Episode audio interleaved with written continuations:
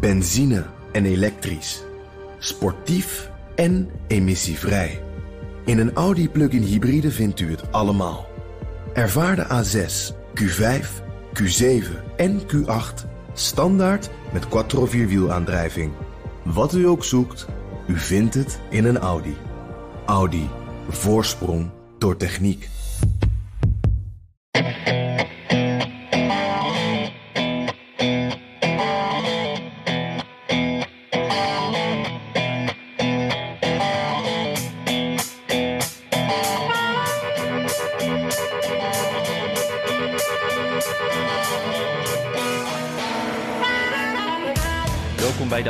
Amerika-podcast. De podcast over Amerika en de aanloop naar de verkiezingen van 2020. Mijn naam is Jan Posma, Amerika-correspondent van BNR. En ik zit hier in een zonnig, eh, warm en, en ook klam Washington D.C. eh, Midden in de swamp dus. Maar uh, geen zorgen, de airco loeit hier. Dus van die hitte heb ik hier weinig last. In Amsterdam Bernard Hammelburg, oud-Amerika-correspondent, woont nog steeds een groot deel van het jaar in de VS en net terug uit New York.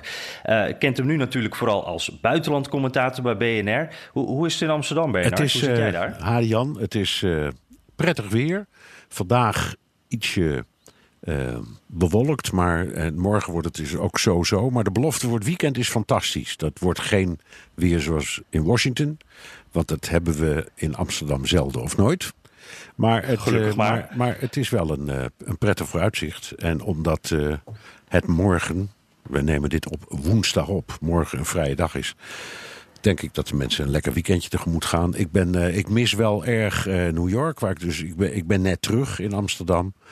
Want daar is het weer nog mooier. En daar heb ik vorige week nog met het gezin op het strand gezeten. Dus, uh, nou. Ja, dat kan ik me voorstellen. Ja. ja, ik was toevallig natuurlijk ook even in New York uh, de, dat weekend. En het was daar al volop zomer. Dus uh, heerlijk.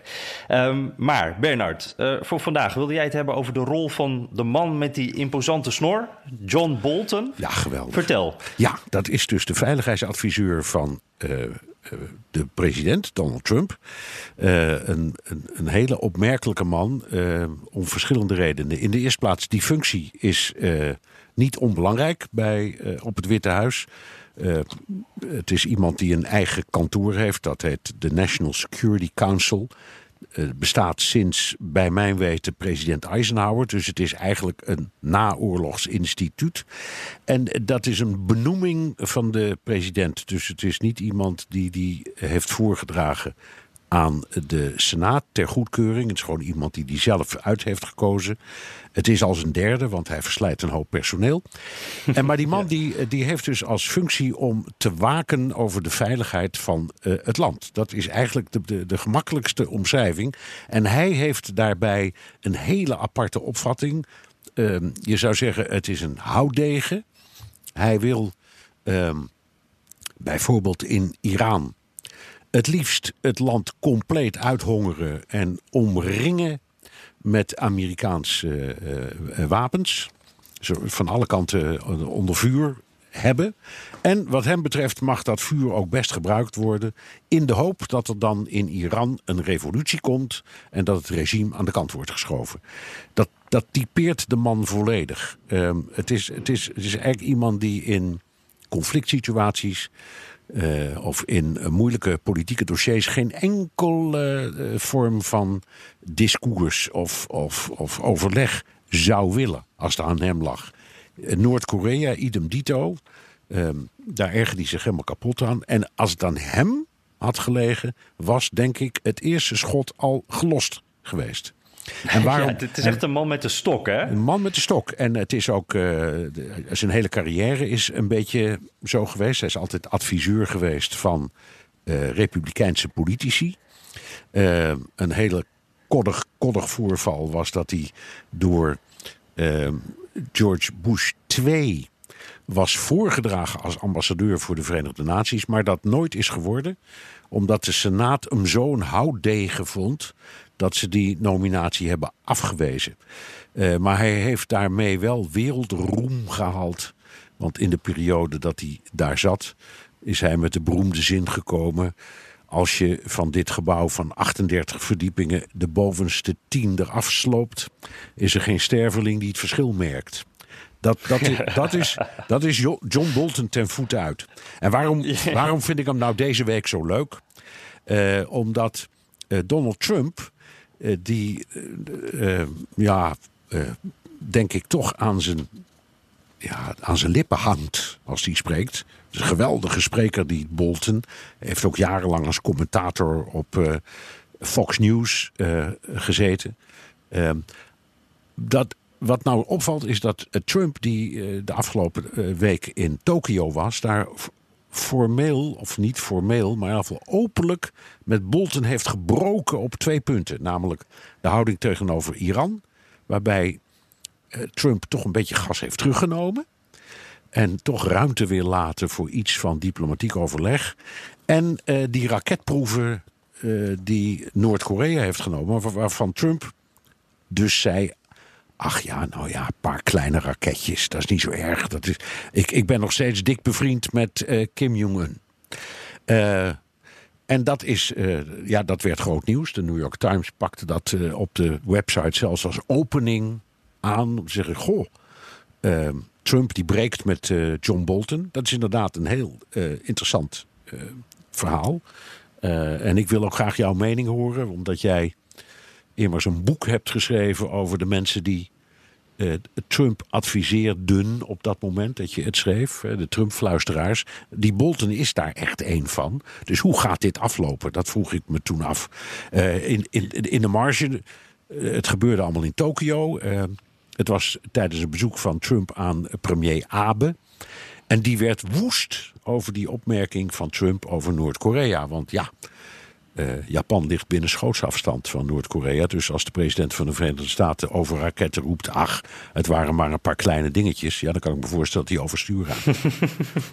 ja, die balt er flink van natuurlijk. Ja. Maar, maar, de vraag die zich dus voordoet voor mij is... Uh, wat gebeurt er met deze Bolton? Is dit nu het, het begin van het moment waarop ze waarop er een breuk misschien kan komen met Trump. Dat is immers snel mhm. genoeg gebeurd.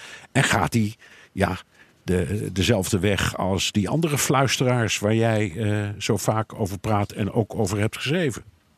Ja, ja, nee, dat is inderdaad dat is een hele goede vraag. Ook omdat eigenlijk uh, Bolton er nog niet zo heel erg lang zit. Hè? Want je zei inderdaad al, het, het is de derde uh, veiligheidsadviseur al. We hebben uh, Michael Flynn gehad, die er heel kort maar zat. McMaster.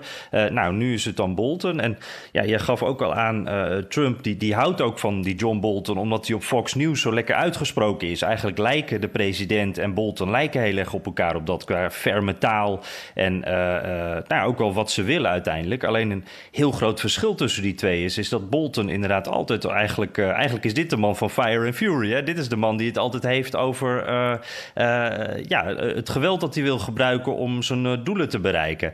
En ondertussen is Donald Trump de man die ook vooruitkijkt naar 2020 en denkt: uh, een van mijn verkiezingsbeloften was geen nieuwe oorlogen. Uh, Amerika gaat zich alleen maar uh, bemoeien met conflicten op het moment dat ook echt het Amerikaanse belang in het geding is. Um, oorlogen zijn ook nieuwe oorlogen zijn helemaal niet. daar is helemaal geen steun voor in de VS natuurlijk. dus Trump die denkt bij zichzelf: ja, wacht eventjes. ik denk ook aan 2020. Ik wil helemaal geen conflict. Dus ik wil wel die harde taal. Maar eigenlijk wil hij daar niet de daden bij voegen. En het lijkt er toch op dat John Bolton wel die stap wil zetten. Uh, ik, was trouwens ook uh, afgelopen weekend uh, bij, op West Point, uh, plek waar jij ook wel eens geweest bent, de militaire academie.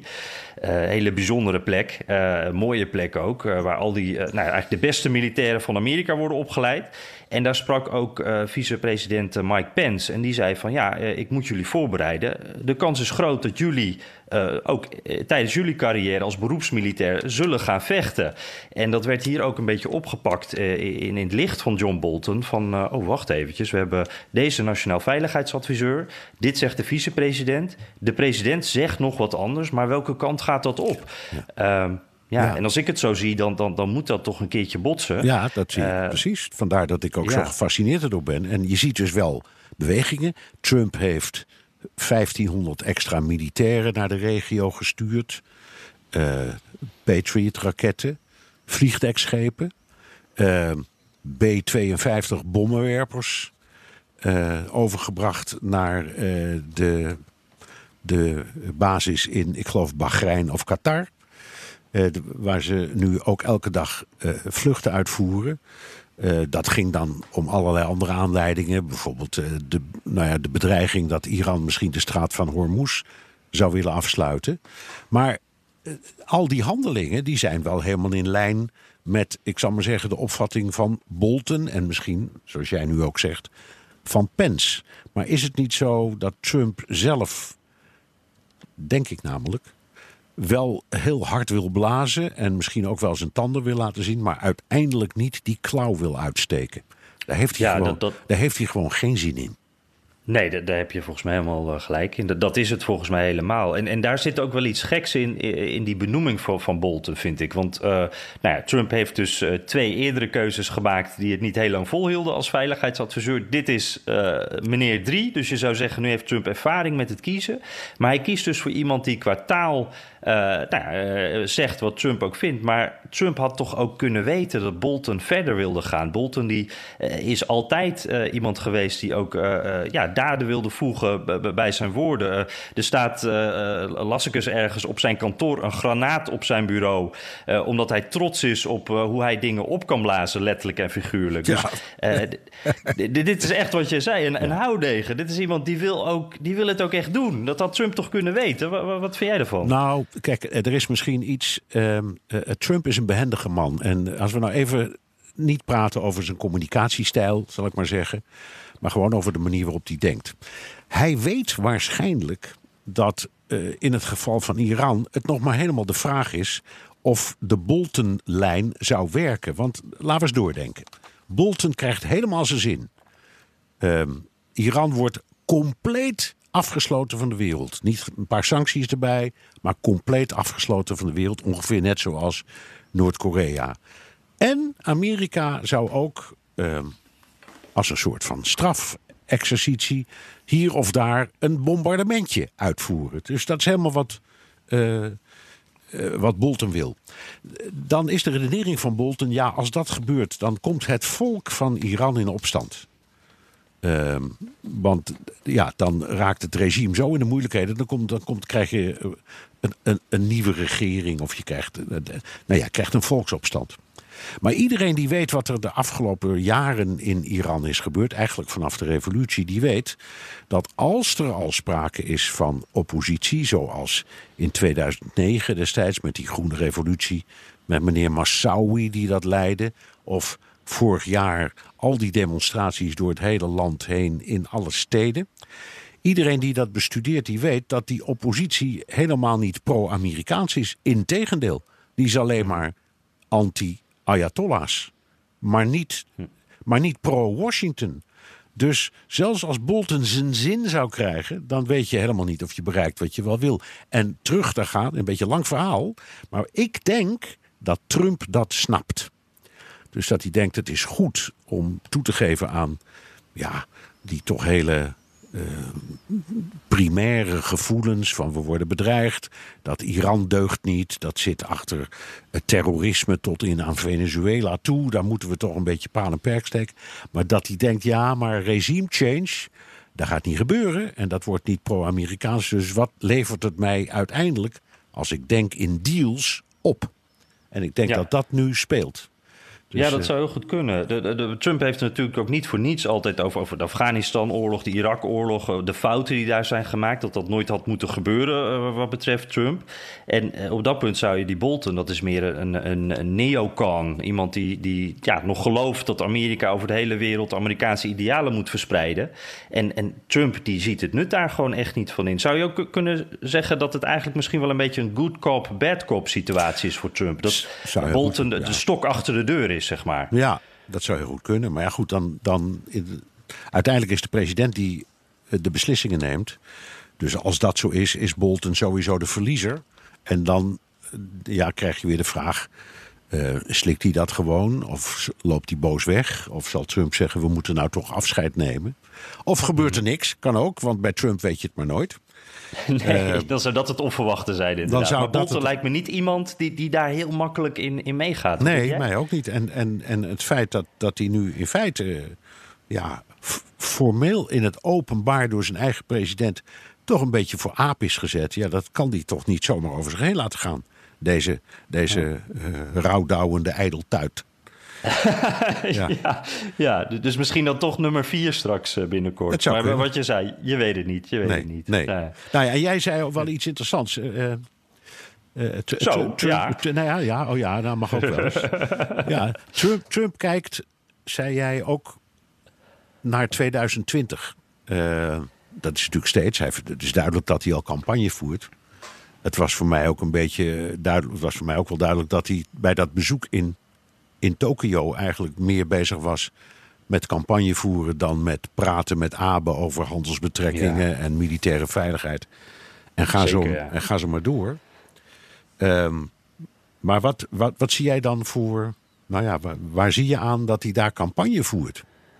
Nou, iets wat, wat jou vast ook is opgevallen en wat hier in Amerika in ieder geval niet uh, onopgemerkt is gebleven. Ook al kwamen de tweets deze keer uh, uh, hier s'nachts, zeg maar, vanwege het tijdsverschil. Ja, Trump die is gewoon, terwijl hij in Japan was en daar sumo-worstelingen zat te kijken, sumo-worstelaars zat te kijken, moet ik zeggen. en een, een, fantastisch programma van Abe kreeg voorgeschoteld, leek hij toch met zijn hoofd bij Joe Biden. Hij was aan het tweeten over Joe Biden. En dat is toch wel opvallend dat, dat op een buitenlandse trip, waar, waar je normaal gesproken zou zeggen, gaat dan even de campagne, uh, het knopje gaat even uit. Uh, was Trump vooral bezig om, uh, nou, op een bepaald moment vertelde hij Trump dat Kim Jong-un ook Joe Biden een low IQ individual had genoemd. En daar kwam later nog een, en hij vond Kim Jong-un, daar sprak hij dan weer warm over juist. En daar kwam later nog een, een, een, een tweetje overheen, waarin hij zei van nou, ik heb eigenlijk nog een beetje de gekuiste versie gegeven. Want Kim Jong-un had het over een low IQ idiot. Dus eigenlijk ben ik heel vriendelijk geweest voor, voor Sleepy Joe Biden. Uh, maar dat viel hier echt wel op hoor. Dat het uh, toch, uh, ja, dat zijn hoofd dus duidelijk bij, bij, zijn tegenstrever hier in Amerika was. En dat ja. het op dat punt dus, ook al is het nog heel lang tot de verkiezingen al volledig campagnetijd ja, is. Ja, en, en dat vind ik dan wel heel, heel, heel fascinerend. Want wat, wat doet hij dus? Hij, hij, gebruikt een omstandigheid, in dit geval een, een tekst van Kim Jong-un, die hij dan gebruikt zelf. Uh, om Joe Biden aan te pakken en zeggen: ja, dat is maar een. Uh, dat is eigenlijk een rantibiel. Als je daarop stemt, ben je gek. En ik ben bovendien de enige die echt hersens heeft. I'm a high EQ person. Dat roept, roept hij ook te pas en Stable te onpas. genius. Ja, een dus absolute genius. Ja, het is geweldig als je dat uh, ook van jezelf uh, weet. maar, maar het roept bij mij de vraag op. Er zijn nu meer dan twintig democratische kandidaten. Wat kun je, wat heb je voor wapen tegen zo'n tweet? Als je dat naar je hoofd ja. geslingerd krijgt. Van je bent ja. achterlijk of je hebt een lage IQ. Nou heeft Joe Biden die heeft daar dan een, een, een, wel op gereageerd. Ik geloof een tekst van dat dat een president niet waardig is of zo. Zo'n soort. Ja. Maar wat, wat, wat doe je als kandidaat tegen dit soort aanvallen? Want Trump doet niet anders en zal daar ook niet mee stoppen. Nee, en hij doet dit eigenlijk al een jaar of drie. Hè? En, tot nu toe is er eigenlijk nog geen enkele kandidaat die daar echt een goed antwoord op had. En wat me bij Joe Biden ook weer opviel, want je zou kunnen zeggen, nou, hij, hij uh, houdt het netjes, Joe Biden. Uh, die heeft sowieso niet gereageerd terwijl Trump nog in het buitenland was. Dat was natuurlijk ook een, een statement. Want uh, nou, ik, ik, als ik president word, dan ga ik niet dit soort dingen, geen campagne doen als ik op, op reis ben. Dus als kandidaat ga ik de president hier ook niet eventjes mee lastigvallen of op antwoorden. Um, maar uh, je, wat je ook meteen zag was dat daardoor in de reacties, die nette reactie, die, deed in de, in de media eigenlijk heel weinig. Uh, Trumps tweet kreeg heel veel aandacht. Joe Bidens nette reactie, die viel een beetje weg. En dat is wat eigenlijk steeds een beetje gebeurt in zo'n geval. En er is denk ik eigenlijk maar één kandidaat die de laatste tijd echt op een manier heeft gereageerd die werkte en die, die echt wel veel aandacht kreeg. En daardoor ook een beetje kon wedijveren met, met Trumps originele opmerking. En dat was uh, uh, Buddha Judge, de man met de moeilijke naam. Uh, die werd door Trump vergeleken met Alfred no Neumann. Dat is een, ja, een soort cartoon gezicht. Ja, Mad, Mad, Magazine. Mad Magazine, natuurlijk joh. Ja, mijn, ja, hele, ja, ja. mijn hele jeugd kon niet wachten tot er een nieuwe aflevering kwam. Met die, met, die, met die kapotte tandjes. Ja, klopt. Die grote tanden, slungelig mannetje, grote oren. Dus het is geen compliment als je daarmee vergeleken wordt. Nou, dat, dat deed Trump dus wel. Die vergeleek hem daarmee. En toen reageerde die Buttigieg. Die, die zei heel slim... Uh, oh, dit, dit moet ik eigenlijk even googlen, die Neumann. Uh, ja, ik, ik ben hier uh, misschien wel veel te jong voor. Nou ja, het zal wel grappig bedoeld zijn. en dat vond ik wel echt een, een slimme. Want hij gaat eigenlijk daarmee over die belediging van Trump heen. En zet Trump direct ook neer als oud. Uh, als iemand van een andere generatie. Iemand die, nou ja, niet helemaal meer in deze tijd zit van memes en Twitter en Facebook. En, en waar de jongeren mee bezig zijn, zeg maar. En, en dat kreeg hier wel een beetje aandacht. Ook denk ik omdat daar een beetje humor in zat. Ja. En misschien zelfs wel humor die Trump zelf ook wel een beetje kan waarderen. Ja, nou ja, ja als je, als je, je kunt één ding. kun je Trump niet verwijten. Namelijk dat hij gevoel voor humor heeft.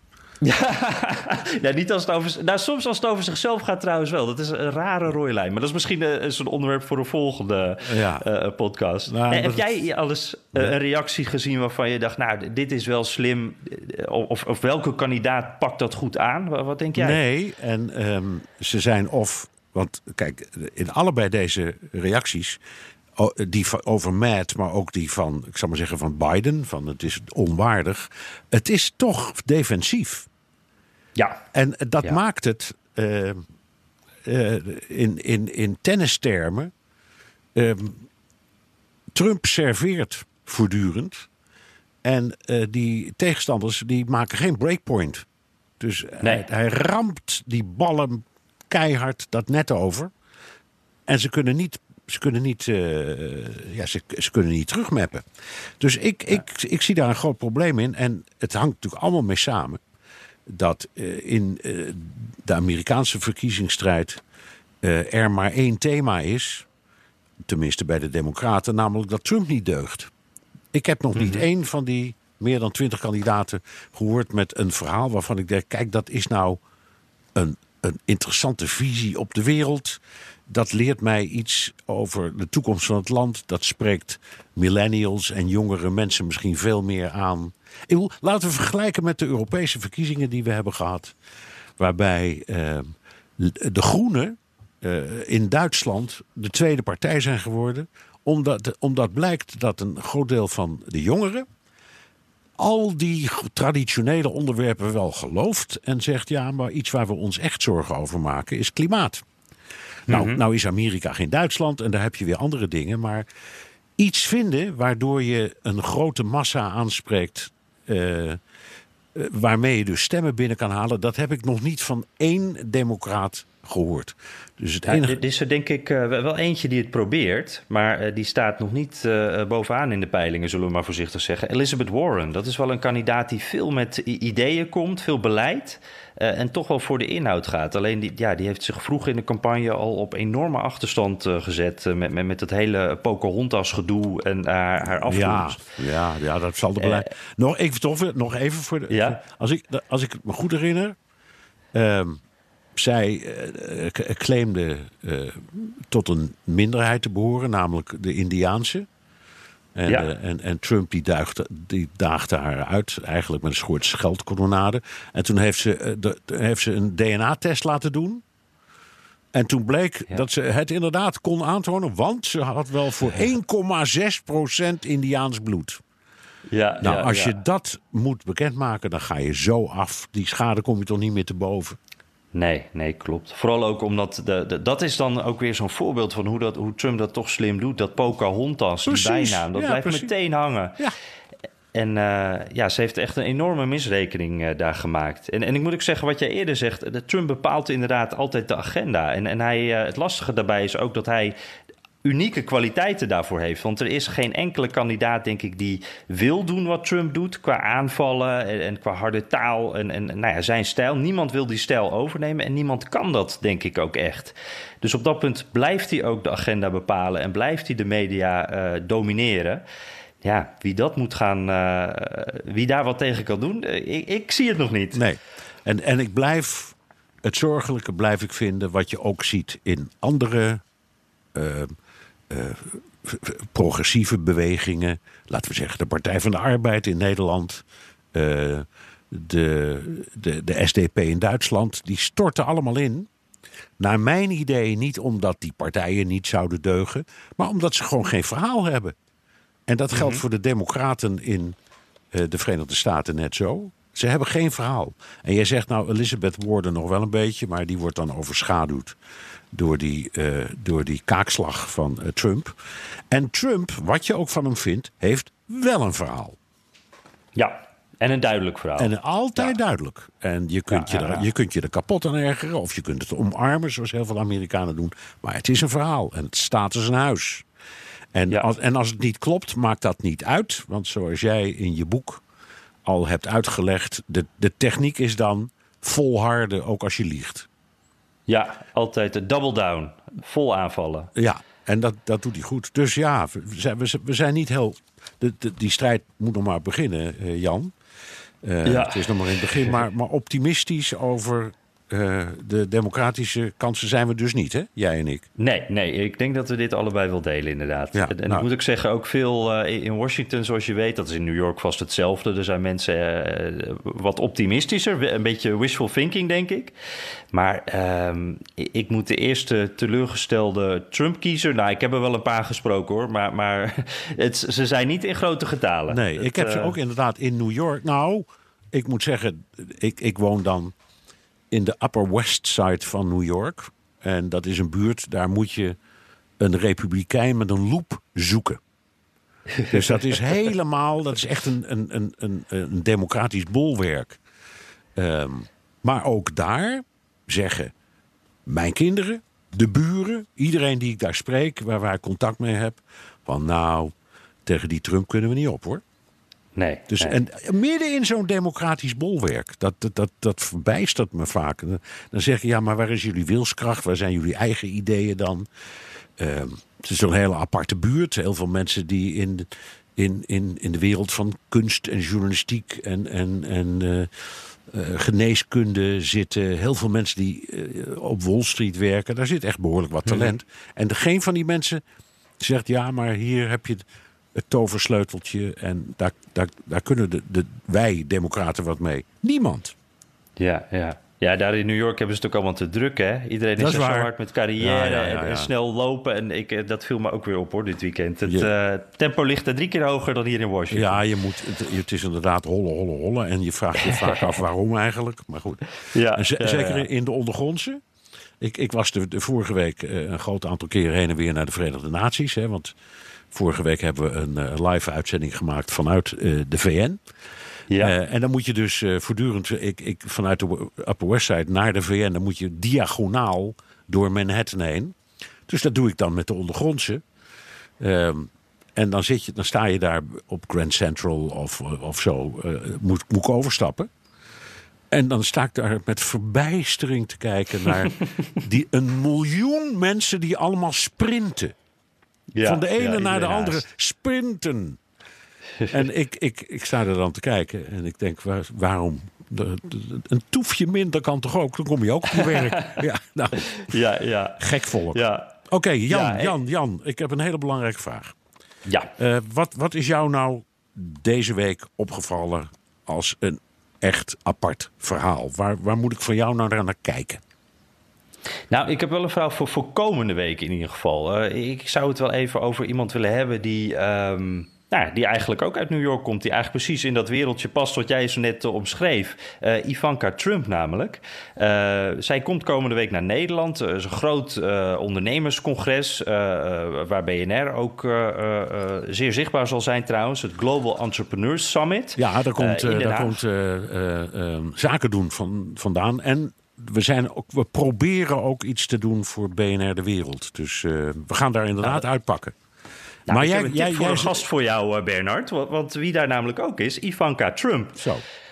En eh, daar zou ik het wel eens over willen hebben. Want die, eh, ja, die heeft toch wel een hele interessante rol in het Witte Huis. En, en dat, dat uit zich eigenlijk ook weer een, weer een beetje in deze tip. Want zij is een soort. Ja, is- zij is natuurlijk senior advisor. Dus een belangrijke adviseur voor haar vader, eh, de president. En omdat zij ook de dochter is, natuurlijk, heeft ze daar duidelijk een streepje voor in het Witte Huis. En zij is daarnaast ook eigenlijk een soort first lady geworden, zou je kunnen zeggen. Want Melania Trump, die zien we bijna niet. Die, die gaat wel mee op internationale reizen. Maar zoals naar Nederland, dan is het niet de First Lady, maar dan is het Ivanka die komt. En ja, die, die First Lady die bemoeit zich niet echt met dat presidentschap, niet, niet echt met haar man ook, als je dat zo ziet. die, die twee komen niet, heel, niet over alsof ze heel regelmatig gezellig met elkaar een kopje koffie drinken nee, of nee, meer. Nou ja, ik, ik, ik, ik, ik, dus maar even psychologie van de koude grond. Maar als ik zo naar de beelden kijk, dan denk ik, die, wat, wat moeten die mensen elkaar ongelooflijk haten? Dat, is, Ja. dat is wat ik denk. Als ik ze daar handje in handje van die vliegtuigtrap af zie stuntelen. Ja, en als stand in hand is, dan is dat al heel wat inderdaad. Ja, maar Nou, dat, als- dat, als je- dat, dat hoort bij dat spel. Maar ook dat, Ja. dat vasthouden of dat vastpakken. Het moment waarop hij haar hand pakt. Andersom gebeurt nooit, hè? ja. Dat is ook, een, Ja. naar mijn idee, voor mijn gevoel, een, ja, een moment van haat. Ik kan het niet anders uitdrukken. Ja, die, die blik die eh, zegt dan... Ongelooflijk. En Maar goed, dan hebben, we- dan hebben, we- dan, echt, eh, we hebben dus de first daughter. Ja, ja. En, en dat is dus iemand waar Trump, die, die Trump vertrouwt. Eh, iemand waar letterlijk zijn ogen een beetje oplichten als Ivanka weer even het Oval Office binnenkomt lopen. Wat zij natuurlijk gewoon zo makkelijk kan doen, terwijl anderen daar is toestemming voor moeten vragen. Maar de- daar is toch een gekke situatie, want haar situatie, haar rol is eigenlijk een beetje op het randje, vinden juridisch deskundigen. Eh, en ik was ook wel benieuwd hoe, hoe jij daarin staat. Want het, dat gaat dan om een anti-nepotisme-wet, zeg ik maar even, uit 1967. Daarin staat dat de president geen familieleden mag aannemen. En nou ja, dan zeggen eh, experts dan, het Witte Huis valt daar niet onder. Eh, dat is net een andere regeling. En wat ook zo is, eh, Ivanka krijgt niet betaald. Eh, dus ze is eigenlijk de, de, de hoogst geplaatste vrijwilliger in het Witte Huis, zou je kunnen zeggen. Nee, dat is Trump zelf. Want die ja, oh ja, hij doneert natuurlijk zijn, die- eh, ja. Die heeft volgens mij een, Ja. een, een salaris van 1 dollar. Maar even op, je hebt gelijk, die, die wet uit 1967... eh, die kwam na de periode Kennedy. Want Kennedy die had zijn broer Robert benoemd tot minister van Justitie. Eh, en overigens was dat een hele goede minister van Justitie... die als belangrijkste speerpunt in zijn beleid... eh, de strijd tegen de maffia eh, aanpakte. en, en dat op zeer goede en effectieve wijze heeft gedaan. Hoewel je natuurlijk van de maffia nooit kunt winnen. Maar hij heeft wel een enorme hoop stappen gezet in wetgeving, in, het, in opsporing van, eh, van mensen van wie iedereen wist dat ze niet deugden, maar waar het bewijs dan van ontbrak. Dus hij heeft zich enorm onderscheiden, niettemin. En in de hoogtijdagen ook van de maffia. In de ja. hoogtijdagen van de maffia. Niettemin, na die periode en nadat ze dus eh, eh, allebei het leven hadden verloren. eh, toen, toen heeft toch het congres gezegd: ja, dat kan niet. Je kan niet een familielid benoemen tot, en dan komt hij, tot lid van het kabinet. En minister van Justitie is lid van het kabinet. Dus dat is iemand waar die de president voordraagt. En dat moet dan worden de Senaat worden goedgekeurd. Maar Ivanka is geen lid van het kabinet. Die is adviseur. En adviseurs mag de president zelf aanwijzen. Dat valt binnen zijn eigen discretie. En ja, dat kan bij wijze van spreken ook zijn hond zijn. Eh, het doet er helemaal niks toe. Eh, en eh, het mag. En je kunt zeggen, ja, de, de partners in je leven, of dat nou je vrouw is, of een andere relatie, of in dit geval de dochter. Ja, die hebben nu eenmaal grote invloed. En waarom zul je dat niet laten zien? Dus dat is ook de redenering, ook de juridische redenering geweest. Waar, waardoor ik zeg, eh, zeggen, de, advocaten zeiden: ja, het heeft geen zin om hier een procedure over te beginnen. Want die verliezen we. Er staat nergens dat het niet mag. en, en het valt ook niet onder die wet. Dus eh, ja, en, en die schoonzoon idem dito. Zijn- eigen zoon. Ja, zijn eigen zoon ook idem dito. Dus die kunnen wat dat betreft gewoon hun gang gaan. Ja, het is wel grappig. Hij maakt er eigenlijk een beetje eh, ook hier een familiebedrijf van. Hè? Want die- First Lady die had altijd wel eh, invloed in het verleden. Dat, dat wisselde heel erg bij president natuurlijk. Maar Hillary Clinton een heel duidelijk voorbeeld. Die, die, die als First Lady eigenlijk ook een politieke rol eh, had. Niet altijd succesvol trouwens. Nee, nee, nee. Want Clinton zei toen, toen hij net had eh, gewonnen... je krijgt er twee voor de prijs van één. Ja. Eh, en toen begon Hillary meteen het gezondheidsstelsel te hervormen. Ja. En dat heeft het volk Clinton zo kwalijk genomen... dat hij bij de eerstvolgende tussentijdse verkiezingen grandioos verloor. Dus je moet daar nog mee uitkijken ook hoor. Ja, het heeft er zelf ook uiteindelijk geloof ik niet zoveel geholpen. Maar dat, nee. dat, uh, dat nee. terzijde. Nee. Ja. maar het, het, is wel bijzonder dat, dat, want die First Lady, nou ja, dat wordt dan wel uh, geaccepteerd. Maar dat is eigenlijk ook wel een beetje schemergebied. Hè? Want we kiezen, of ze kiezen, die president. En, en die First Lady krijg je er inderdaad bij. En in dit geval krijg je er dus eigenlijk een halve familie bij. Hè? Ja. Dat is toch wel raar. In Nederland zouden we dat toch nooit accepteren? Nee, natuurlijk zouden we het niet accepteren. En wij zouden bovendien waarschijnlijk ook strenger zijn in de juridische opvatting over nepotisme. Um, maar in Amerika zijn die opvattingen überhaupt niet zo streng. Uh, dat heeft ook te maken, denk ik, met de, de, de, de, ja, de structuur van de samenleving op het platteland. Waar het familiebedrijf, uh, vooral in de agrarische sector, toch een beetje de ruggengraat van de samenleving is geweest, al die jaren lang. Dus de gevoelens daarover zijn ietsje anders dan bij ons in Nederland, denk ik. Uh, mm -hmm. Maar het is zo dat uh, first ladies in de loop van de geschiedenis wel eens behoorlijk wat invloed. Je noemde Hillary als voorbeeld. Je kunt zeggen Eleanor Roosevelt, de vrouw van uh, FDR, mm -hmm. die ehm, grote invloed heeft gehad op het politieke denken van haar man, maar ook andersom. dus hij heeft ook grote invloed gehad op haar. En zij was een van de mensen die de Verenigde Naties heeft opgericht. Dus uh, dat was ook iemand die, die ook echt iets heeft gepresteerd. Waar de hele wereld misschien dankbaar voor kan zijn. Je hebt ook gekke verhalen, zoals Nancy Reagan. Die enorme invloed had op Ronnie. Uh, en, Personeelsbeleid, geloof ik ook. Ja, ja die dus, die dus uh, uh, vertelde wie die wel en niet moest, moest aannemen.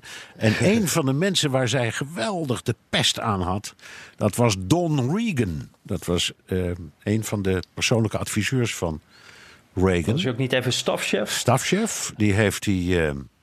dat is dus ook een persoonlijke benoeming, hè? Die heeft hij op een bepaald moment aan de kant gezet. En toen heeft Reagan ja, ik denk, wraak genomen met een boek. En daarin beschrijft hij hoe Nancy Reagan zich volledig liet beïnvloeden door een waarzegger of waarzegster. Uh, en dat leidde ertoe dat er in de agenda van, van uh, uh, Ronald Reagan allemaal gekleurde papiertjes zaten. En die kleuren die vertegenwoordigden dan de kwaliteit van die dag. Dus als er, weet ik wel, een rood papiertje in zo'n dag zat, dan mocht hij op die dag geen belangrijke beslissingen nemen. en, en op andere, bij andere kleurtjes mocht hij geen belangrijke deals onderhandelen.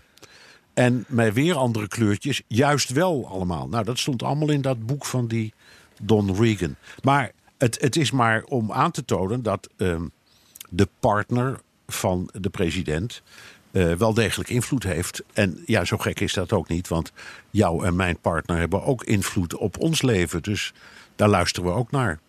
Absoluut. Dat, ja. uh, ik zou niet anders durven. Nee, ik ook maar, niet. Maar die nee, Reagan, dus, die... Er zou wat zwaaien. ja.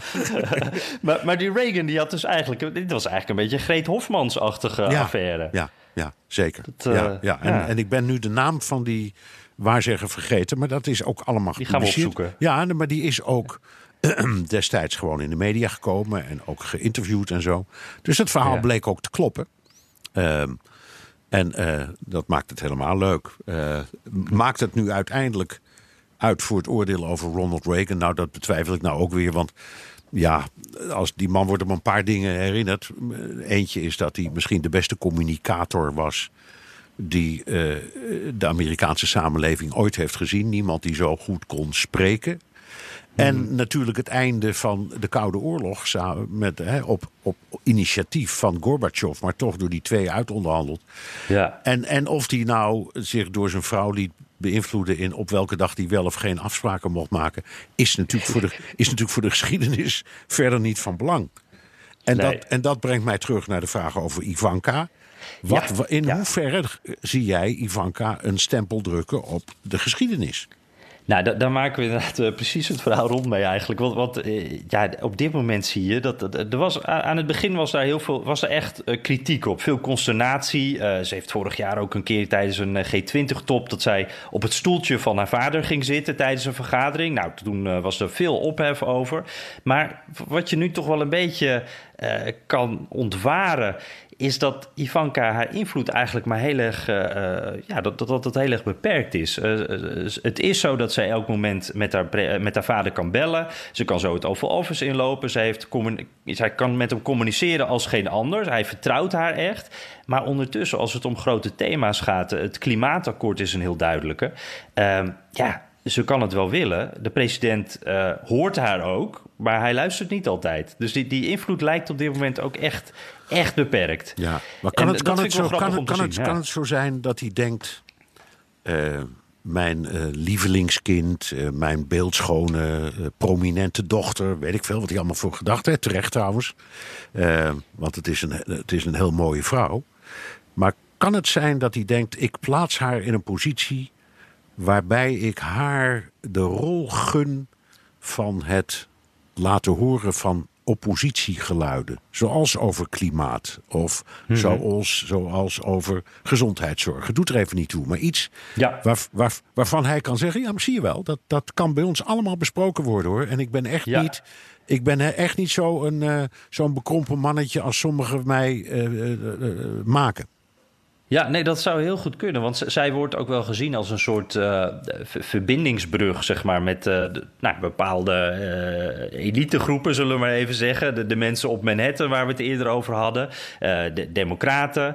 van huis uit, Trump zelf is, was ook niet altijd een overtuigd republikein. Nou, dat geldt voor Ivanka ook zeker. Ze spreekt zich bijna nooit politiek echt uit. Maar vrienden vertellen dat zij ja, van huis uit misschien meer democrat dan republikein is.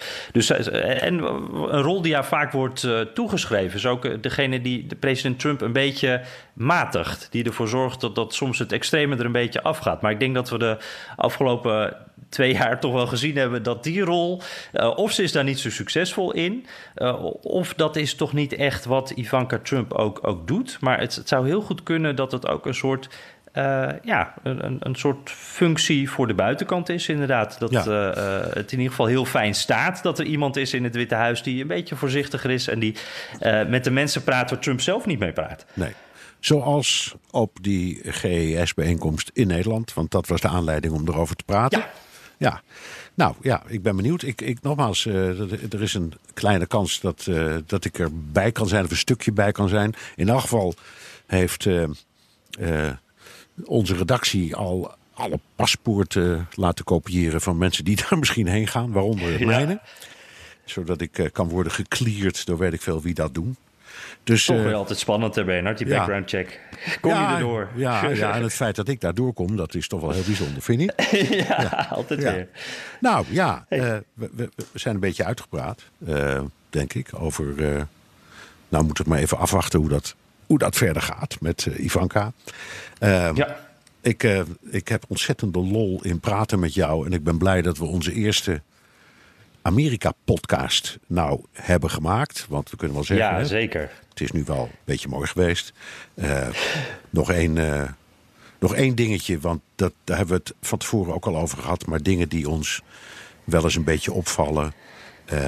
ik dacht, we gaan ons succes direct uh, vieren met een biertje en een bitterbal. Maar dat gaat bij jou in Amerika niet gebeuren. Nee, nee. Dat, uh, Geen bitterballen. nee, zeker niet. Ik, je kan Amerikanen, ze zijn tegenwoordig best uh, enthousiast over stroopwafels. Drop kunnen ze ook nog wel hebben. Nederlands bier gaat erin als uh, geen ander. Dat, is, dat vinden ze fantastisch. Maar echt bitterballen. Ik heb ook nog geen lekkere bitterbal in dit land gehad. En geen kroket ook. Nee, nee. nee dat, en hoe komt dat nou? Gruwelen Ja, hoe, hoe komt dat nou? Nou, ik, ik, ik, heb het, ik, heb, ik heb er namelijk ooit eens een keertje me erin verdiept. Waarom dat, er zijn heel veel mensen die het hebben geprobeerd.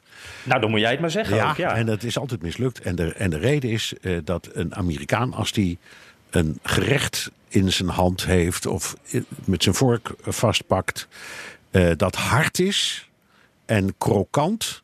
En hij bijt het door en het is van binnen blubber of helemaal zacht. Dan gaat hij over zijn nek. Dat vindt hij wel zo onvoorstelbaar smerig. En, het ziet er ook niet zo smakelijk uit, nee, hè? Nee, dus daarom geen kroketten en geen bitterballen. Maar hier in Amsterdam ga ik er direct eentje pakken. En ik drink ik ben jaloers op je. En ik drink er een op jouw gezondheid. Nou, mooi. Het is hier tien voor elf ochtends nog. Dus ik neem nog een kopje koffie op jou met een lekkere Hollandse stroopwafel. Oké. Okay. Dag Jan, tot de volgende keer. Tot snel, dag Bernard.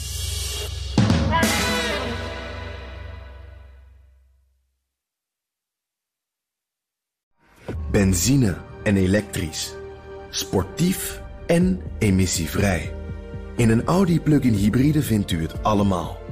Ervaar de A6, Q5, Q7 en Q8 standaard met quattro vierwielaandrijving. Wat u ook zoekt, u vindt het in een Audi. Audi. Voorsprong door techniek.